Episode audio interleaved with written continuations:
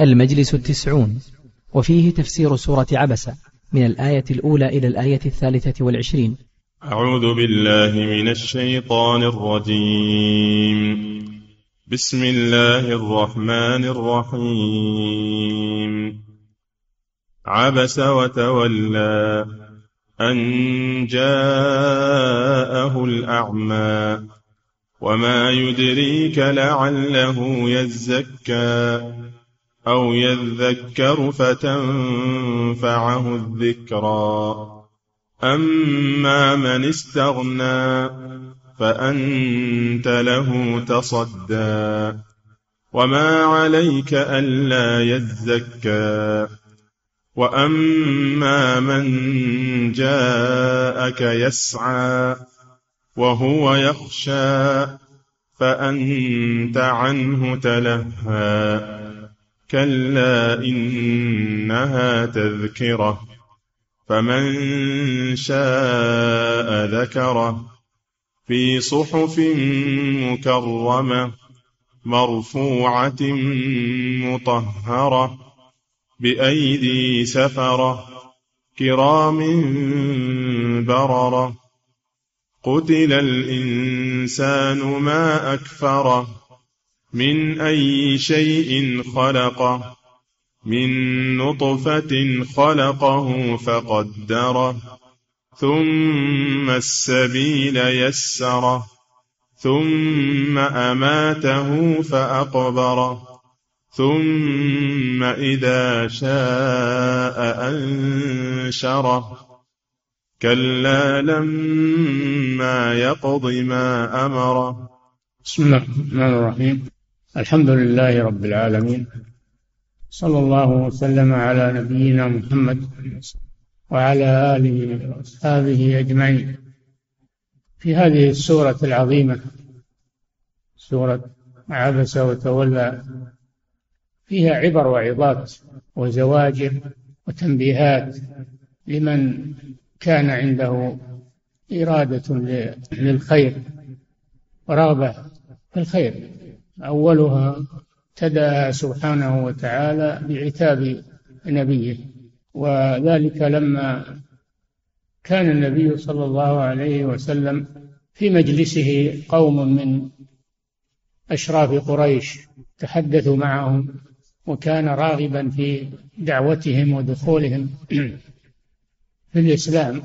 فبينما هو كذلك إذا أقبل عبد الله بن أم مكتوم رضي الله عنه وهو رجل أعمى من السابقين الأولين إلى الإسلام مهاجرين. فأقبل إلى الرسول صلى الله عليه وسلم يريد أن يسأله عن أمور دينه ويتزود منه بالعلم تزود منه بالعلم النافع. جاء راغبا طالبا للعلم. ولكن الرسول صلى الله عليه وسلم كره مجيئه في هذه اللحظة التي يخاطب فيها هؤلاء المشركين لعلهم يسلمون. وابن أم مكتوم له وقت آخر. الرسول صلى الله عليه وسلم لم يرد أن يفوت عليه الفرصة معهم. ولهذا قال عبس أي الرسول صلى الله عليه وسلم عبس في وجهه أي أنه قطب وجهه من مجيء ابن أم مكتوم في هذه الحالة أو هذه اللحظة. قطب وجهه كراهية لمجيء ابن أم مكتوم في هذه اللحظة وتولى أي أعرض عنه أعرض عن ابن أم مكتوم وأقبل على قريش. لامه الله جل وعلا على هذا. عبس وتولى أن جاءه الأعمى أي من أجل أن جاءه الأعمى. الأعمى وعبد الله بن أم مكتوم رضي الله تعالى عنه. وقيل اسمه عمرو بن أم مكتوم. وكان النبي صلى الله عليه وسلم يحبه ويجله. وكان في المدينة يؤذن في مسجد الرسول صلى الله عليه وسلم وكان يستخلفه إذا إذا سافر صلى الله عليه وسلم يستخلفه على المدينة يصلي بالناس فهو له فضل عظيم. فأن جاءه الأعمى قال جل وعلا وما يدريك لعله يزكى لعل هذا الأعمى أن يستفيد من الرسول صلى الله عليه وسلم ويتطهر بأخلاقه وعمله. فهو جاء يريد هذا. جاء يريد أن يتزكى. ما يدريك لعله يزكى أو يتذكر. يعني يتعظ من الرسول صلى الله عليه وسلم بموعظة تنفعه الذكر. فهو جاء من أجل هذا. وهو حري في أن يتزكى وأن يتذكر. فكون الرسول صلى الله عليه وسلم لم يستقبله عاتبه الله على ذلك. ما يدريك لعله يزكى أو يذكر تنفعه الذكرى. أما من استغنى هذا في حق الكفار. أما من استغنى عن الإسلام واستغنى عن التذكير وعن الدعوة فأنت له تصدى أي تقبل عليه.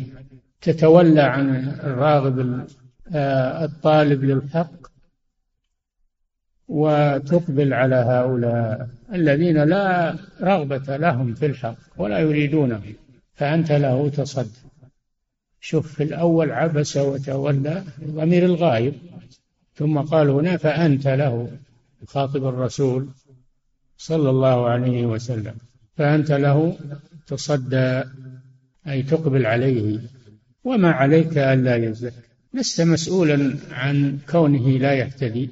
أنت عليك البلاغ فقط وأما كونه يقبل أو لا يقبل فهذا ليس إليك هذا إلى الله سبحانه وهو أعلم بمن يصلح للهداية ومن لا يصلح لها فالهداية بيد الله عز وجل وهو يعلم ما وهو أعلم بالمهتدين وأما الرسول صلى الله عليه وسلم إنما مهمته هي الدعوة إلى الله والبلاغ. إن عليك إلا البلاغ لأنه لا يملك هداية القلوب. وما عليك ألا يزكى لست مسؤولا عنه إذا لم يقبل ولم يسلم. وقد بلغته فأديت ما عليك نحوه وأما أنه يقبل فهذا ليس إليك. هذا بيد الله سبحانه وتعالى. فلا تحاول فلا تحاول شيئا لا تستطيعه. لكن من حرص الرسول صلى الله عليه وسلم على هداية الناس. حصل منه ما حصل وهو يحب. لا شك أنه يحب عبد الله بن أم مكتوم حبا شديدا ويعرف قدره يعرف مكانته يعرف سابقته في الإسلام يعرف رغبته في الخير. لكن رأى صلى الله عليه وسلم أن الإقبال على هؤلاء طمعا في إسلامهم أن هذا أولى. من استقباله لابن أم مكتوم. فالله جل وعلا عاتبه على ذلك في هذه الآيات وكان صلى الله عليه وسلم بعد ذلك إذا أقبل ابن أم مكتوم استقبله بالبشر والسرور تقدير ويقول مرحبا بالذي عاتبني فيه ربي. هذا يدل على أنه لم يعرض عن ابن أم مكتوم بغضا له كراهية له. وإنما اجتهد عليه الصلاة والسلام يريد أن يريد أن هؤلاء يقبلون منه الإسلام والدعوة إلى الله عز وجل. ثم ثم إنه سبحانه وتعالى أعاد قصة ابن أم مكتوم. فقال وأما من جاءك يسعى لأن ابن أم مكتوم جاء مسعى من حرصه على الخير. ما هو متباطي ومتثاقل وجاي بكسل وفتور بل جاء مندفعا. يريد الخير رغبة في الخير. وهؤلاء ما هم ما هم ما هم مقبلين عليك. هذا مقبل عليك وجاء مسرعا. وأولئك ما ما لهم رغبة فيما تقول. وأما من جاءك يسعى وهو يخشى يخشى الله. سبحانه وتعالى. هؤلاء لا يخشون الله عز وجل ولا يخافونه وأما من جاءك يسعى وهو يخشى فأنت عنه تلهى تلهى عن من جاءك بهذه الصفة وتؤجل موضوعه.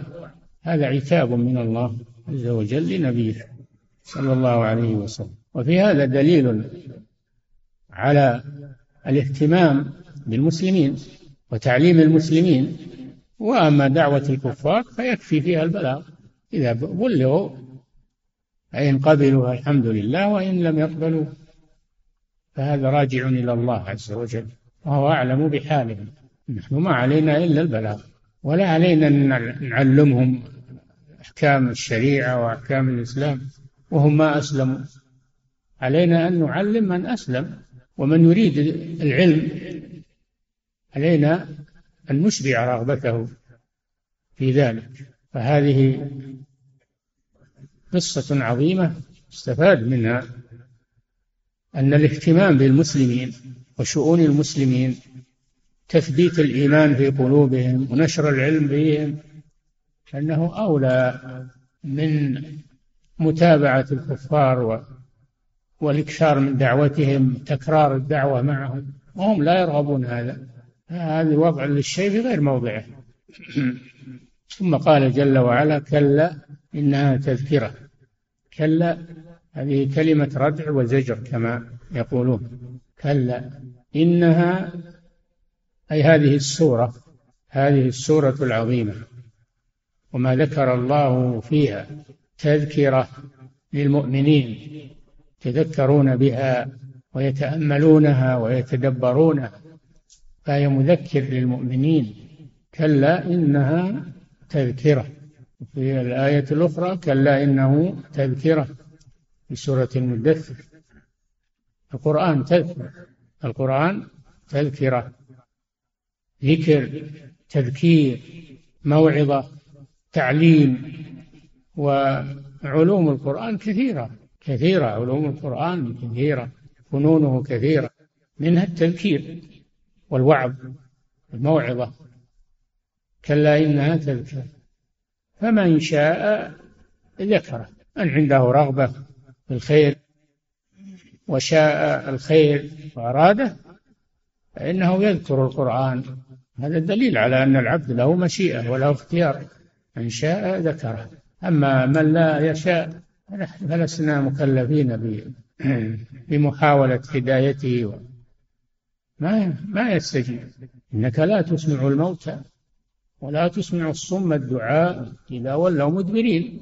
وما أنت بهادي العمي عن ضلالتهم إن تسمع إلا من يؤمن بآياتنا فهم مسلمون. الكافر الذي لا يقبل الحق هذا لا طمع في هدايته. لا طمع في هدايته من قبلنا أما من قبل الله. فالله على كل شيء قدير. فمن شاء ذكره. هذا دليل على أن إثبات المشيئة للعبد والاختيار وأنه يؤمن باختياره ورغبته أو يكفر باختياره ورغبته. لا يجبر على الإسلام أو يكره على الإسلام. أبدا هذا راجع رغبته اختياره. فإن اختار الخير لنفسه والنجاة لنفسه فإنه يتذكر في القرآن وإن أراد الإصرار على الكفر والبقاء على الكفر فله ما اختار لنفسه. قل الحق من ربكم من شاء فليؤمن ومن شاء فليكفر. هذا تهديد.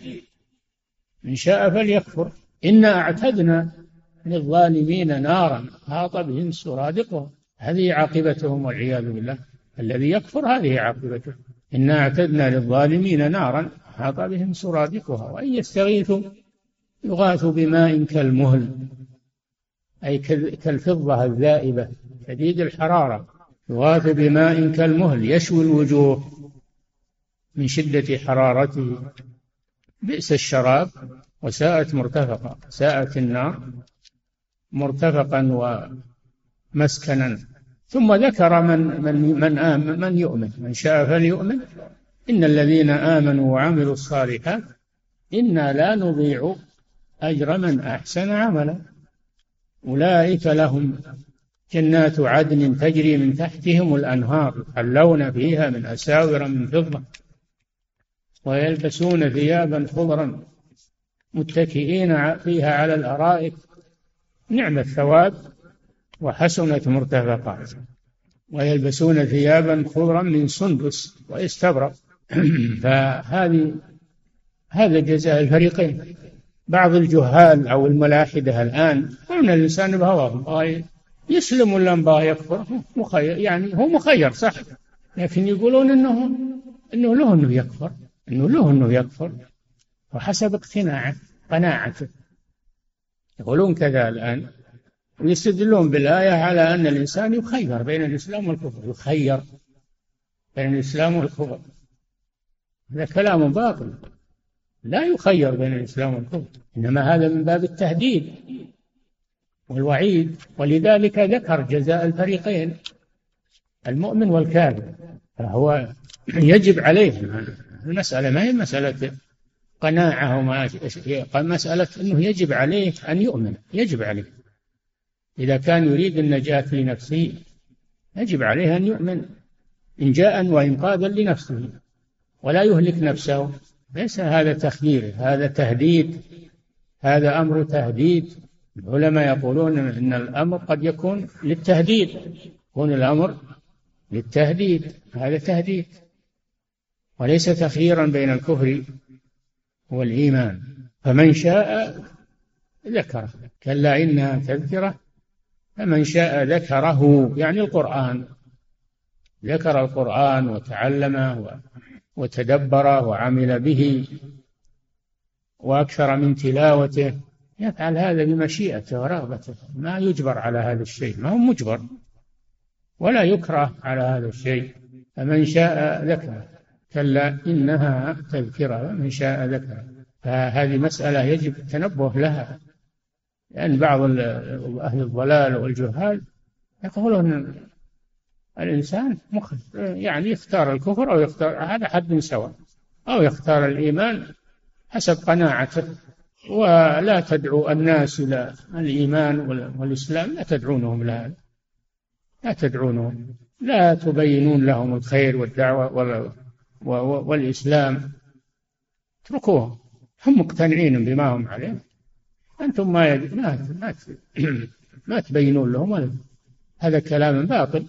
الله أمرنا بالدعوة وأمرنا بالبلاغ وأمر نبينا بالبلاغ أمرنا بهذا وأمرنا بالجهاد في سبيل الله. نشر هذا الدين هم خلي الناس بهواهم.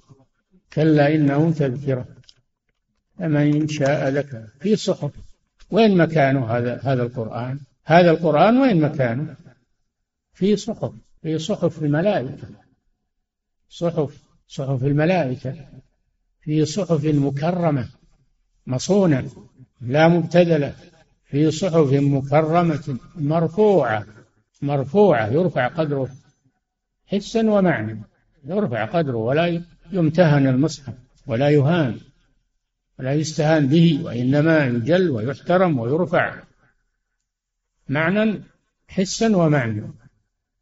حسا بأن يرفع ولا يلقى في الأرض أو في المزابل ومعنى بأن يعتنى به ويحترم ويعظم لأنه كلام رب العالمين كلام رب العالمين في صحف مكرمة مرفوعة مرفوعة القدر مطهرة مطهرة من الكذب و والباطل لأن القرآن حق لا مرية في ذلك حق. على حقيقته. ليس فيه كذب ليس فيه ليس فيه شيء لا فائدة فيه. أو هو من فضول الكلام. لا القرآن عظيم القدر مطهر من الباطل. لا يأتيه الباطل من بين يديه ولا من خلفه. ليس قبله كتاب يكذبه ولا بعده ولا يأتي بعده ما يكذبه. لا يأتيه الباطل من بين يديه يعني من قبله ولا من خلفه يعني من بعده. تنزيل من حكيم حميد هذا هو القرآن وشأن القرآن والعناية بالقرآن. ولهذا من من أهان القرآن فإنه يرتد عن دين الإسلام. لو أن مسلما أهان القرآن وداسه أو ألقاه في مزبلة فإنه يرتد بذلك. عن دين الإسلام والعياذ بالله. هذا من أنواع الردة من نواقض الإسلام. من الذي يحمل هذا القرآن من الله إلى رسله؟ من؟ بأيدي سفرة. من الملائكة جمع سفير والسفير هو الواسطة بين الله وخلقه. فهذا القرآن إنما يحمله سفرة كرام بررة. لا تقربه الشياطين. قال تعالى وما تنزلت به الشياطين وما ينبغي لهم وما يستطيعون. إنهم عن السمع أي القرآن والوحي لمعزولون مبعدون عن الوحي. القرآن تتولاه الملائكة الكرام يبلغونه لمن أرسلوا إليه. وكذلك سائر الكتب الإلهية تتولاها الملائكة. ولا تقربها الشياطين أبدا بأيدي سفرة.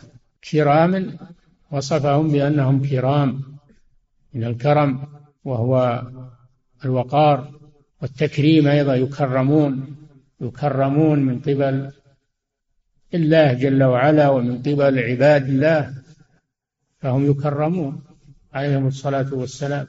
ليسوا كالشياطين مهانون ساقطون. حقيرون لا أولئك كرام يكرمون ويجلون ويعظمون لأنهم رسل الله عز وجل والسفراء بين الله وبين خلقه بأيدي سفرة كرام برر جمع بار والبر ضد الإثم.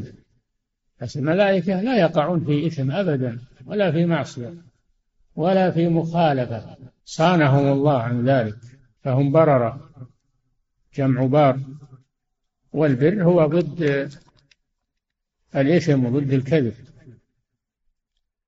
كرام بررة ثم إنه سبحانه وتعالى بين حالة هذا الإنسان هذا الإنسان الآدمي إذا لم يهده الله إذا لم يكرمه الله إذا لم يمن الله عليه فإنه من أحقر الحيوانات وأخبث المخلوقات.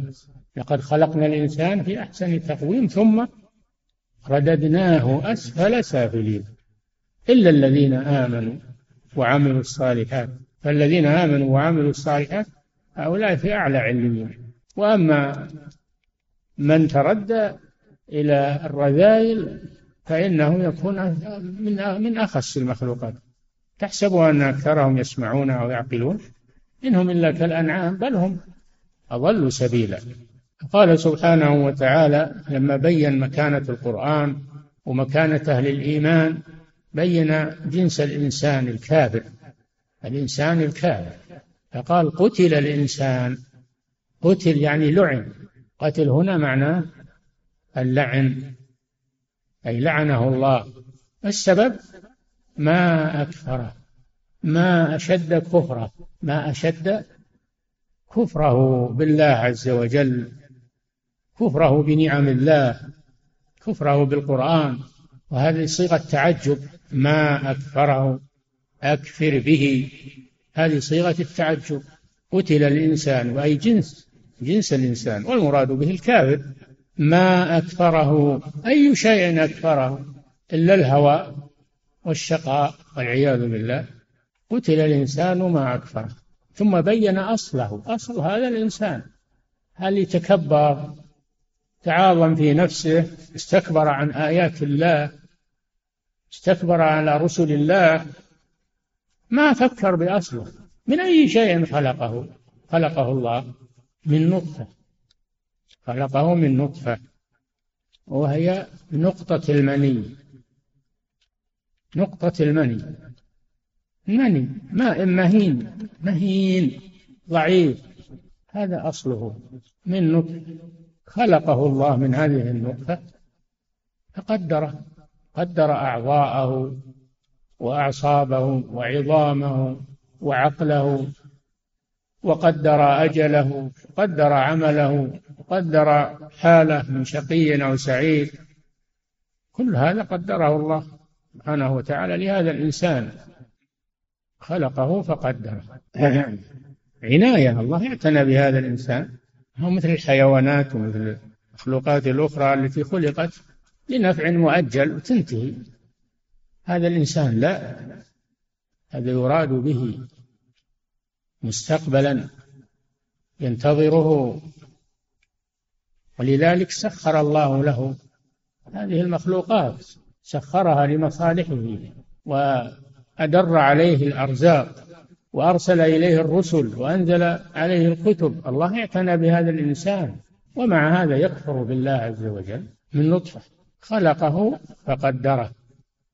لا هو اللي خلق نفسه ولا أحد خلقه غير الله سبحانه وتعالى. كيف يهرب ويكفر؟ يتمرد على ربه سبحانه وتعالى. يتكبر.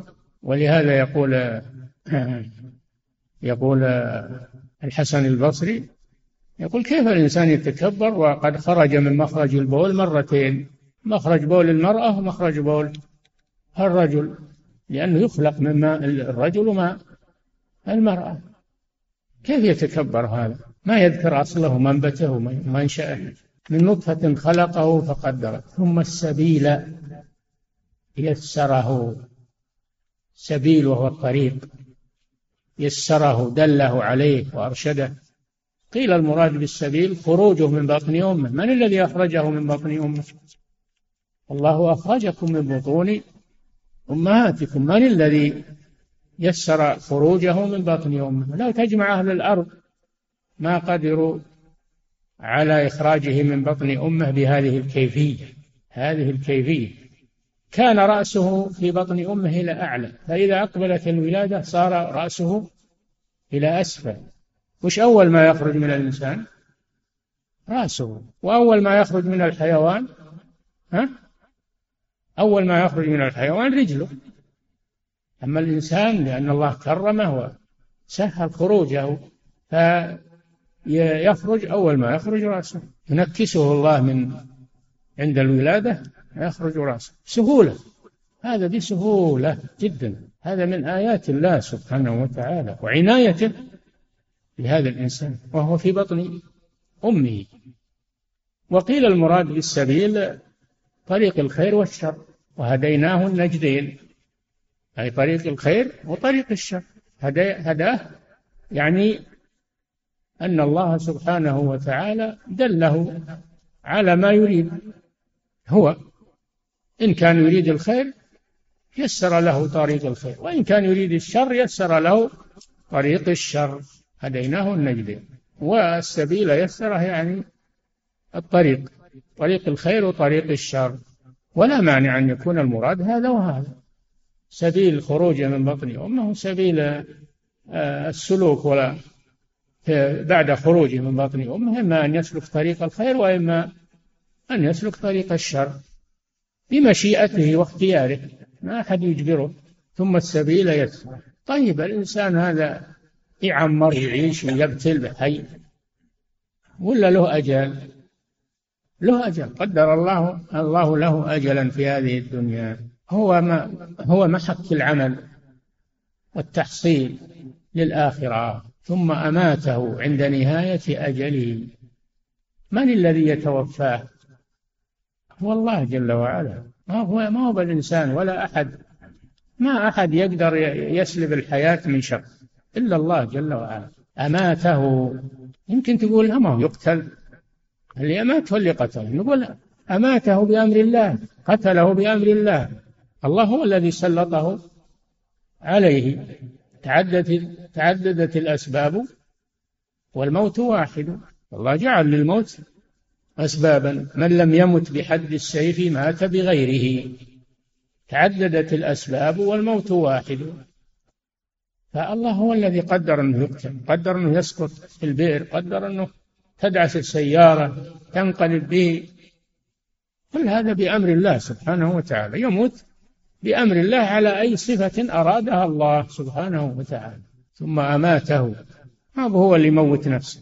تقول يمكن تقول هو يقتل نفسه. نقول نعم يقتل الله قدر أنه يقتل نفسه دبره أنه يقتل نفسه. الله دبره أنه يقتل نفسه.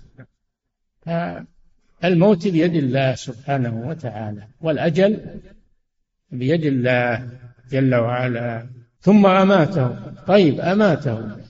إذا مات يلقى في الجيف مع جيف الحمير والكلاب و... لا. أماته فأقبره. جعله في قبر يصونه. ويواريه يواري جثته. يواري جثته لئلا تتأذى يتأذى الميت. ويتأذى به غيره أيضا. هذا من عناية الله بهذا الإنسان. فالقبر من نعم الله على هذا الإنسان. ولم يجعله ممن يلقى مع الجيف والكلاب والحمير ثم أماته فأقبر أقبره.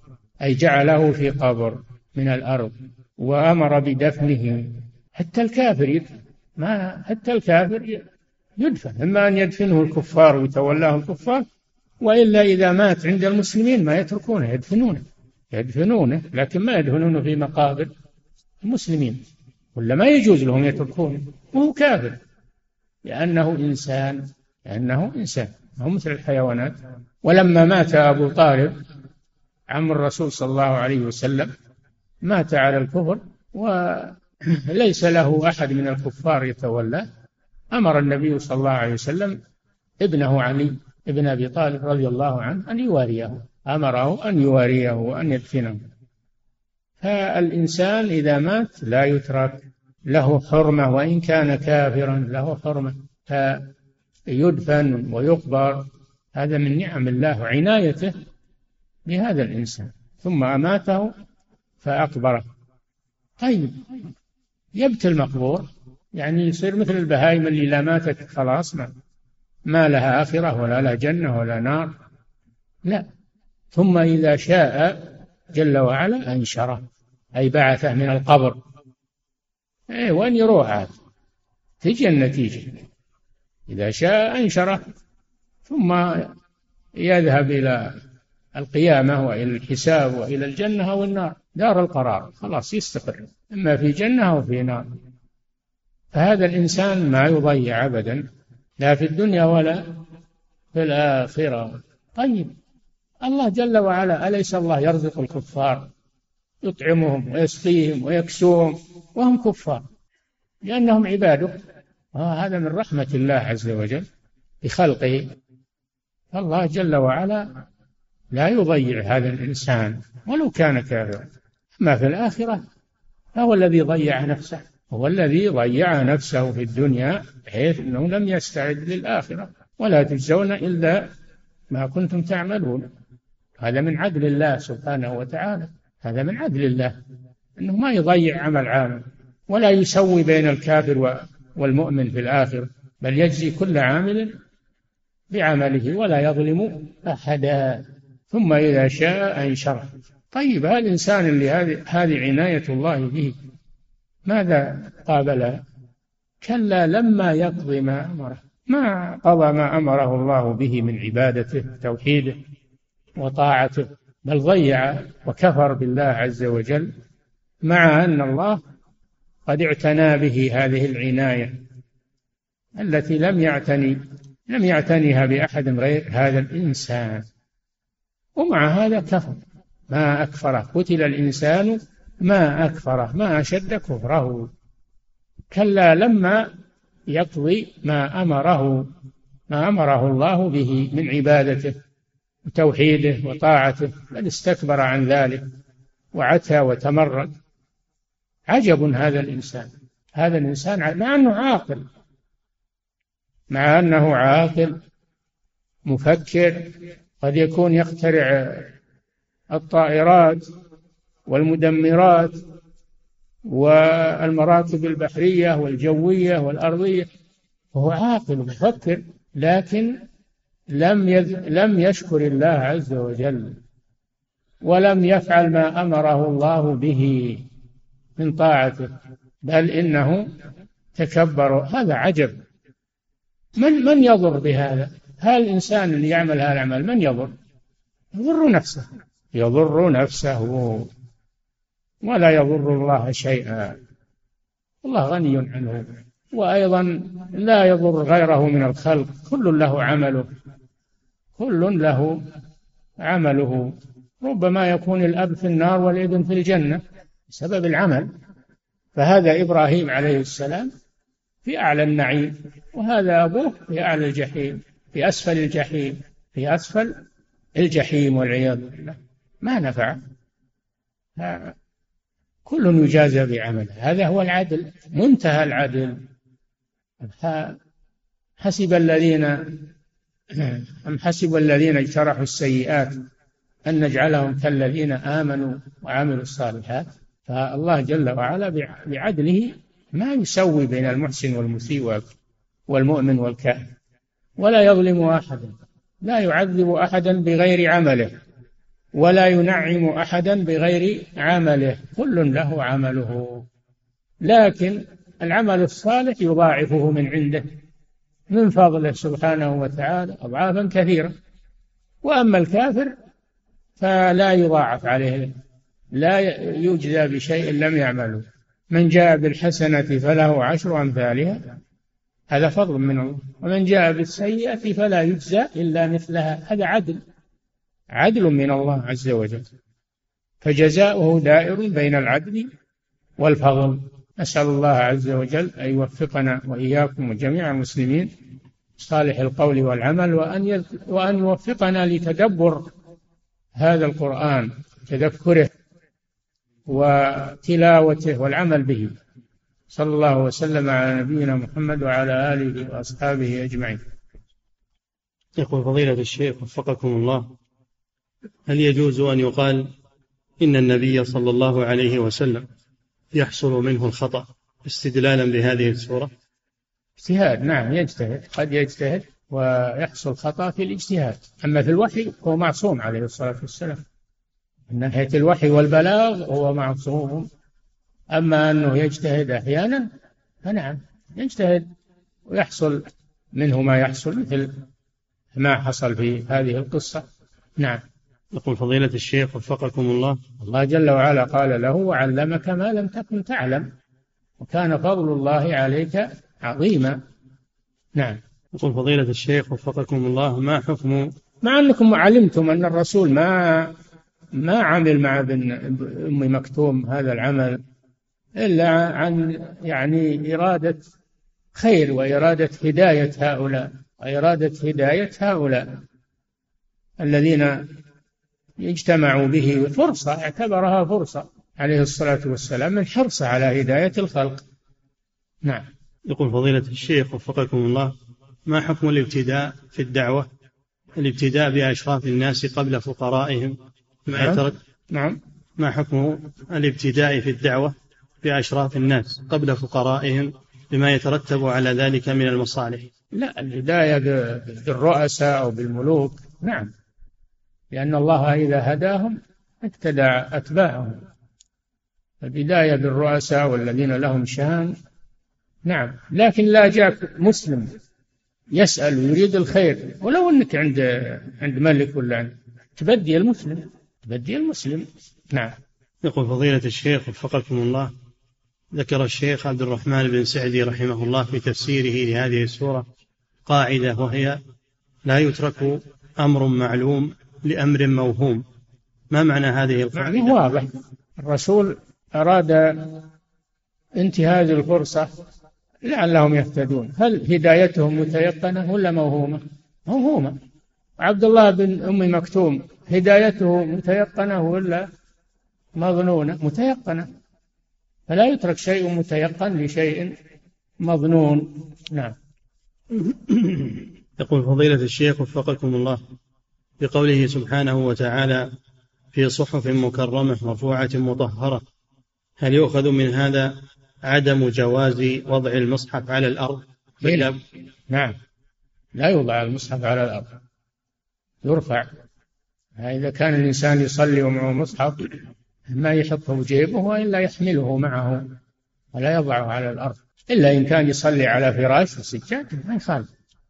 يوضع على الفراش ظاهر ما يخالف. نعم. وكذلك وفقك الله يقول هل يؤخذ من قوله سبحانه في صحف مكرمة حرمة مد الرجل إلى المصحف؟ إذا كانت المصحف قريب نعم لا يجوز مد الرجل إليه. أما إذا كان بعيدا المصحف هنا عند المحراب وأنت عند الباب الأقصى الشرقي ما في مانع. نعم. يقول فضيلة الشيخ وفقكم الله يقول رأيت شخصا في المسجد وقد وض... رأيت رأيت شخصا في المسجد وقد وضع القرآن على الأرض مباشرة فأخذته ووضعته على الحامل فغضب مني وقلت له إن القرآن يجب أن يرفع واستشهدت بقوله مرفوعة مطهرة فهل استشهادي صحيح وهل فعلي صحيح؟ نعم. جزاك الله خيرا. وأنت علمت هذا الجاهل أنت علمته في هذا الشيء هذا طيب. نعم. يقول فضيلة الشيخ وفقكم الله بعض الأشخاص يقولون إنه إذا انتهى الشخص من قراءة القرآن فإنه يقول صدق الله العظيم وبعضهم يقول إنه لا يقال هذا اللفظ فما الراجح في ذلك؟ ما هو الراجح الحق. ما هو الحق في ذلك؟ هل اللي قال إنه يقول صدق الله العظيم يجيب دليل؟ إذا جاب دليل ما يخالف. أما جاب دليل فهو مخطئ. ما في دليل على إنه بعد ما يقرأ من القرآن يقول صدق الله العظيم. هاتوا لنا دليل. ما في دليل. نحن لا نحدث شيئا من عند أنفسنا أو نقلد من يفعل هذا من غير دليل. نعم الله صدق جل وعلا. من أصدق من الله قيلا. قل صدق الله واتبعوا ملة إبراهيم. الله صدق. لكن كونه يخصص في هذه الحالة بدون دليل هذا بدعة. نعم. يقول فضيلة الشيخ وفقكم الله. نرى كثيرا يقول نرى كثيرا من الناس إذا سقط المصحف من أحدهم قاموا بتقبيله وقالوا هذا من تعظيم القرآن. فهل هذا الفعل صحيح؟ نعم لا بأس بذلك. هذا من تقدير القرآن. وكان بعض السلف يقبل المصحف. كان بعض السلف يقبل المصحف. نعم. حفظك الله هذا خاص بالسقوط فقط ولا دائم؟ لو ما لو ما سقط. يجوز تقبل المصحف لو ما سقط. لو أخذته من مكانه ما نعم. يقول فضيلة الشيخ وفقكم الله هل يؤخذ من قوله تعالى قتل الإنسان ما أكفره؟ هل يؤخذ منه جواز أن يقال للإنسان قاتلك الله عوضا عن لعنه؟ إذا كان يستحق هذا الدعاء الدعاء يدعى عليه بذلك أما إذا كان لا يستحق فلا يجوز. نعم. يقول فضيلة الشيخ وفقكم الله بعض الدعاة في الغرب يذكرون قصة ابن أم, ابن أم مكتوم في حجية على حجية نبوة النبي صلى الله عليه على وسلم. على إيش؟ يذكرون قصة ابن أم مكتوم يذكرونها في حجية النبوة للنبي صلى الله عليه وسلم ويقولون لو كان النبي عليه الصلاة والسلام كاذبا في دعوته لما ذكر هذا الذي أنزل عليه ولكتمه. نعم. هذا يروى عن عائشة أنها قالت لو كان النبي صلى الله عليه وسلم كتم شيئا لو كان محمد كتم شيئا من القرآن لكتم قصة مع ابن أم مكتوم. نعم. يقول حفظك الله فهل استخدام هذه القصة في حجية النبوة صحيح أم لا؟ ما في شك. نعم. يقول فضيلة الشيخ وفقكم الله بالنسبة هو حجة في البلاغ أنه بلغ صلى الله عليه وسلم الذي يحتج به على البلاغ؟ أنه ما كتم شيئا من القرآن. بل بلغ الناس هذا القرآن بلغهم ما أنزل إليه من ربه. وفي هذا رد على الشيعة اللي يقولون أن الرسول كتم علما ولم يفضه إلا لعلي فقط. كتم العلم عن غيره ولم يفضي به إلا إلى علي بن أبي طالب. وعلي رضي الله عنه يقول ما خصنا رسول الله صلى الله عليه وسلم بشيء. حلف بالله الذي فلق الحب والنوى ما خصهم رسول الله صلى الله عليه وسلم بشيء دون إخوانهم. نعم. يقول فضيلة الشيخ وفقكم الله هل من لم يدخل الإسلام يكون كافرا وإن لم, وإن لم تبلغه الدعوة؟ وهل يلزم؟ اللي ما بلغته الدعوة يكون من أصحاب الفترة. أمره إلى الله. يكون من أصحاب الفترة. نعم. ويقول هل يلزم من قيام الحجة على غير المسلمين أن تفهم الحجة؟ أو أن مجرد نعم, نعم إذا كان من بلغته الحجة يقدر على فهمه لو أراد فإنه قامت عليه الحجة. إذا كان يقدر على فهمها لو أراد ذلك فإنها قامت عليه الحجة لأنه هو اللي فرط نعم. أما إذا كان بلغه القرآن ولا يفهم معناه كالأعجمي هذا لا بد يبين له معناه. نعم. يقول فضيلة الشيخ وفقط لا يزيدون الآن يقولون لازم يقتنع لازم يقتنع. حتى لو فهم لو فهم ما يكفي لازم يقتنع. نعم. يقول فضيلة الشيخ وفقكم الله هل ترك المصحف مفتوحا ثم العودة إليه بعد مدة فيه شيء؟ حيث قال لي أحدهم لا تترك المصحف مفتوحا وأنت لا تقرأ فيه. إذا كان يتعرض لشيء يتعرض لشيء لا يليق بالمصحف مثل غبار مثل شيء غير مناسب نعم. فأن تصون المصحف. أما إذا كان ما يتعرض لشيء فلا مانع. نعم. يقول فضيلة الشيخ وفقكم الله هل الاستثناء في قوله سبحانه وتعالى ولا تقولن لشيء إني فاعل ذلك غدا إلا أن يشاء الله؟ يقول إذا كان الفعل من الغد فإنه لا يقال هذا إلا أن يشاء الله. يقول إذا كان بعد ساعة أقل من الغد فهل يقول هذا القول؟ لا هذا السبب سبب نزول الآية لما سأله اليهود عن عن الخضر سألوه عن ذي القرنين سألوه عن أصحاب الكهف. لما سألوه قال أخبركم غدا إن شاء الله. الله جل وعلا قال له ولا تقولن لشيء إني فاعل ذلك غدا لأن الرسول صلى الله عليه وسلم هو الذي قال غدا. ثم إن الله بين له القصص الثلاث. نعم. في سورة الكهف. سورة قصة الخضر قصة آه، ذي القرنين قصة أصحاب الكهف في أولها. نعم. ويقال أنهم سألوه عن الروح. فالله جل وعلا قال ويسألونك عن الروح قل الروح من أمر ربي. فلم يبين لهم. مثل ما بين في في المسائل الثلاث ما بين لهم الروح لأنها سر من أسرار الله عز وجل.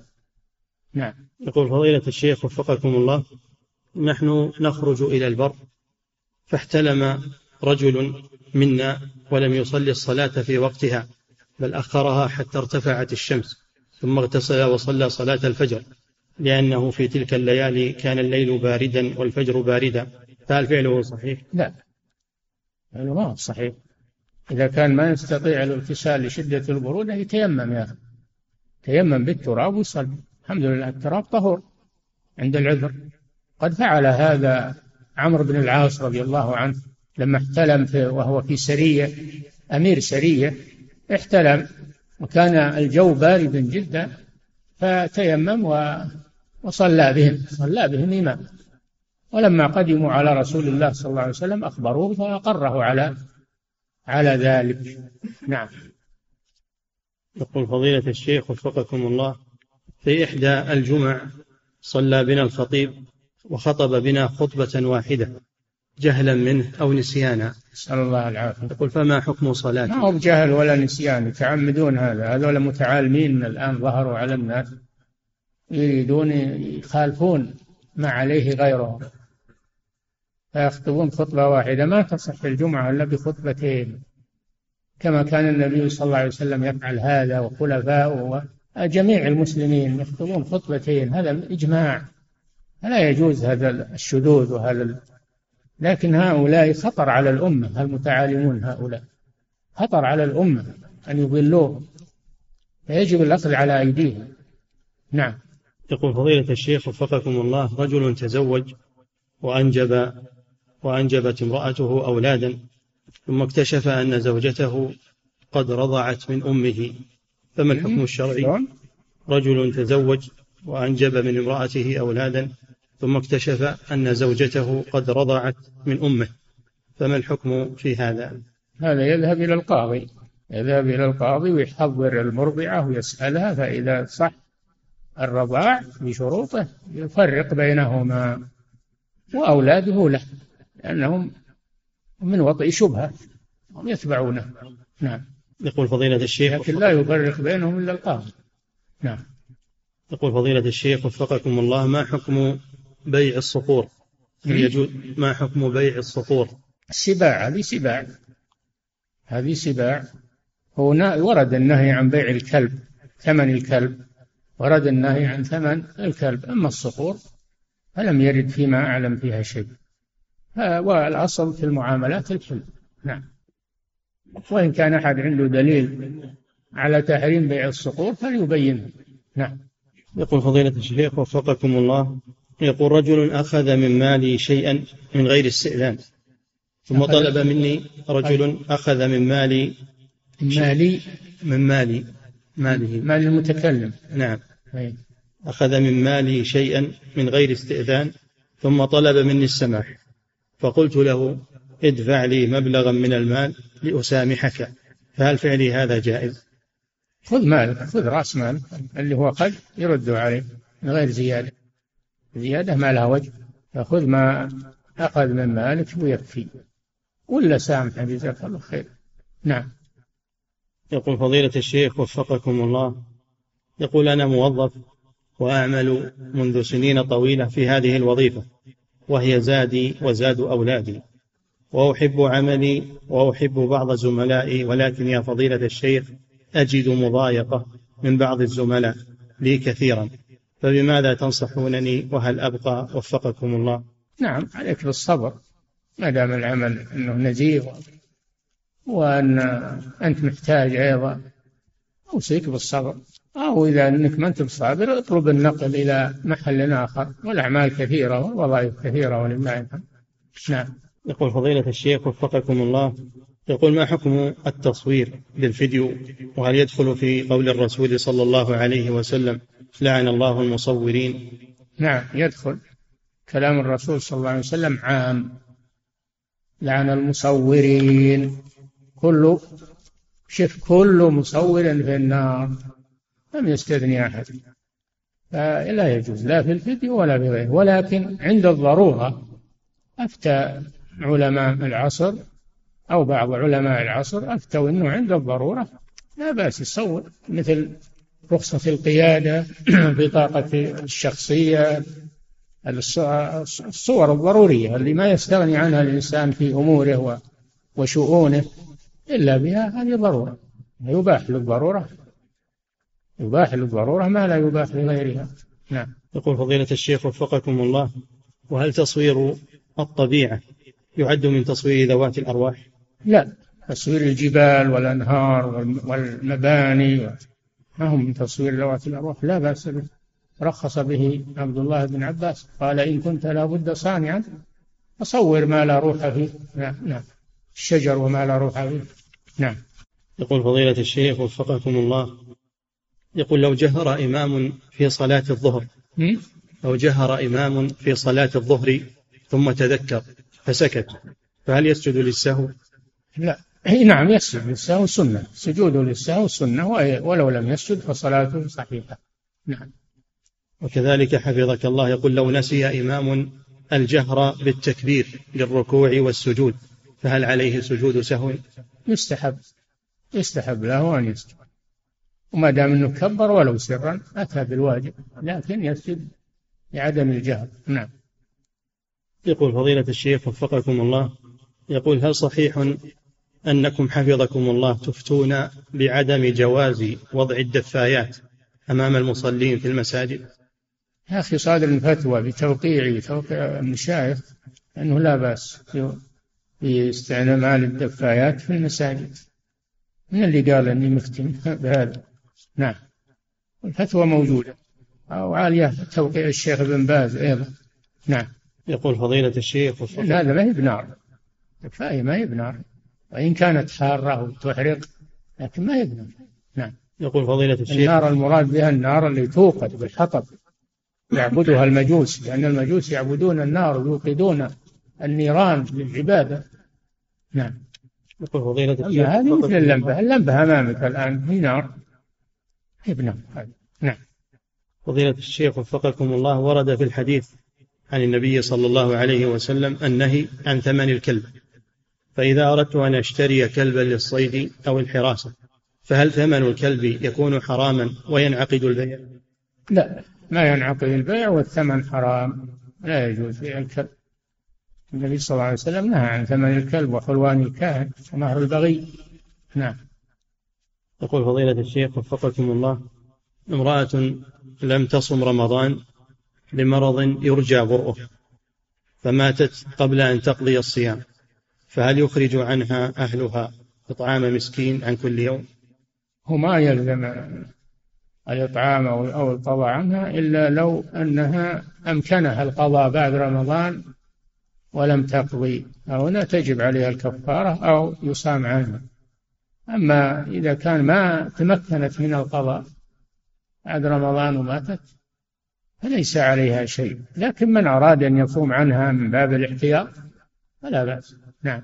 يقول فضيلة الشيخ وفقكم الله ما حكم الصلاة إذا كان في الثوب منيا؟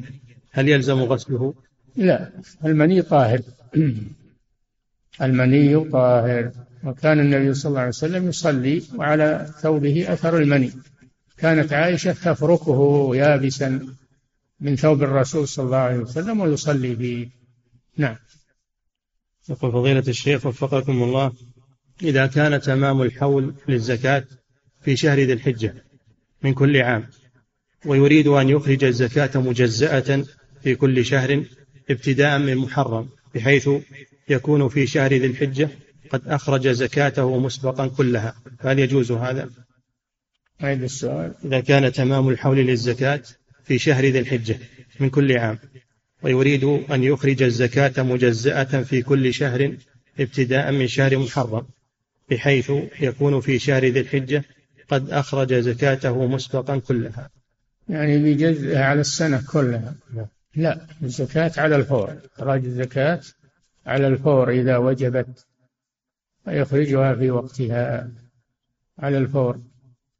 ولا يؤخرها إلا لعذر. إذا كان لعذر ما عنده دراهم ينتظر مجيء الدراهم ويخرج. المستحق ما هو بحاضر ينتظره ما في مانع. أما إذا كان لغير عذر لا. نعم. يقول فضيلة الشيخ وفقكم الله إذا كان في بلد الكفر مدينة قد اشتهرت بكثرة أهل السنة فيها وتجمعهم فيها فهل تكون هذه المدينة دارا للهجرة؟ في حق من لم يستطع الهجرة إلى بلد من بلاد المسلمين. إذا إذا كان في بلد الكفر مدينة قد اشتهرت بكثرة أهل السنة فيها وتجمعهم فيها. فهل تكون هذه المدينة في بلاد الكفر تعد دارا للهجرة في حق من لم يستطع الهجرة إلى بلد من بلاد المسلمين؟ لا ما يقدر للهجرة. العبرة بالحاكم إذا كان الحاكم لها مسلما هي دار إسلام ولو كان فيها كفار. أما إن كان الحاكم كافرا ولو كان المسلمون كثيرين فيها لا تعتبر دار إسلام ولكن الهجرة إذا لم يستطع فهو معذور. يقيم في دار الكفر وقت عذره فقط. نعم. يقول فضيلة الشيخ وفقكم الله يقول إذا علمنا أو الحكم ب يعني يعني تجعل دار الإسلام إذا كان يحكم فيها بالشريعة. الحاكم يحكم بالشريعة. هذه دار الإسلام أما إذا كان يحكم بغير الشريعة هذه دار كفر. نعم. يقول فضيلة الشيخ وفقكم الله إذا علمنا بالساحر الذي عمل السحر وتيقنا من ذلك فهل يجوز لنا أن نطلب منه أن يقوم بحل السحر الذي عمله؟ إذا كان ما هو بحاله بالسحر وإنما يتلف السحر ولا يتلف السحر لا بأس. كما فعل النبي صلى الله عليه وسلم. أما إذا كان يبي يعمل سحر تامرونه يعمل سحر هذا ما يجوز. ما يجوز حل السحر بسحر مثله. نعم. يقول فضيلة الشيخ وفقكم الله يقول أنا شاب مستقيم وأقع في الذنب دائما وكلما تبت وقعت فيه وقد استحييت من الله من استمرار التوبة ثم العودة للذنب فبماذا تنصحونني؟ انصحك كل ما وقعت في ذنب أن تتوب ولو تكرر هذا ولا تقنط من رحمة الله ولا تستحي من الله تترك التوبة. لا تبي إلى الله الله أمرك أن تتوب. الذين إذا فعلوا فاحشة وظلموا أنفسهم ذكروا الله استغفروا لذنوبهم قل يا عبادي الذين أسرفوا على أنفسهم لا تقنطوا من رحمة الله إن الله يغفر الذنوب جميعا. وكل ما أذنبت تب إلى الله عز وجل. ولا تيأس من القبول. أو تقول أنا أستحي من الله. إذا صرت تستحي تب من الله عز وجل. ولو تكررت منه. ولكن ابتعد عن الأسباب اللي تجعلك تعود إلى المعصية. ربما أن جلسات سيئين سيئون فيسببون لك أنك تقع في المعصية. جالس ناس فاسدين. فابتعد عن أهل الفساد وعن جلساء السوء. إذا كنت إنك تنظر في أشياء مغرية تجر إلى الفتنة مثل الصور الفاتنة مثل الفضائيات الهابطة أن تجتنب الأسباب اللي توقعك في المعصية. نعم. يقول فضيلة الشيخ وفقكم الله نقل عن أحد طلبة العلم أنه يقول إنه يجوز جمع الصلاة لمن يذهب لمحافظة الخرج. للعمل فيها.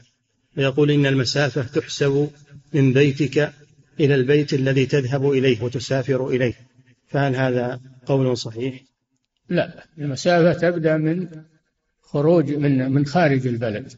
إذا كان بين البلدين بين بنيان نهاية البلد الذي يقدم إليه ونهاية البلد الذي خرج منه بينهما ثمانين كيلو هذه مسافة قصر أما من بيتك لا. نعم. انتهى. الله تعالى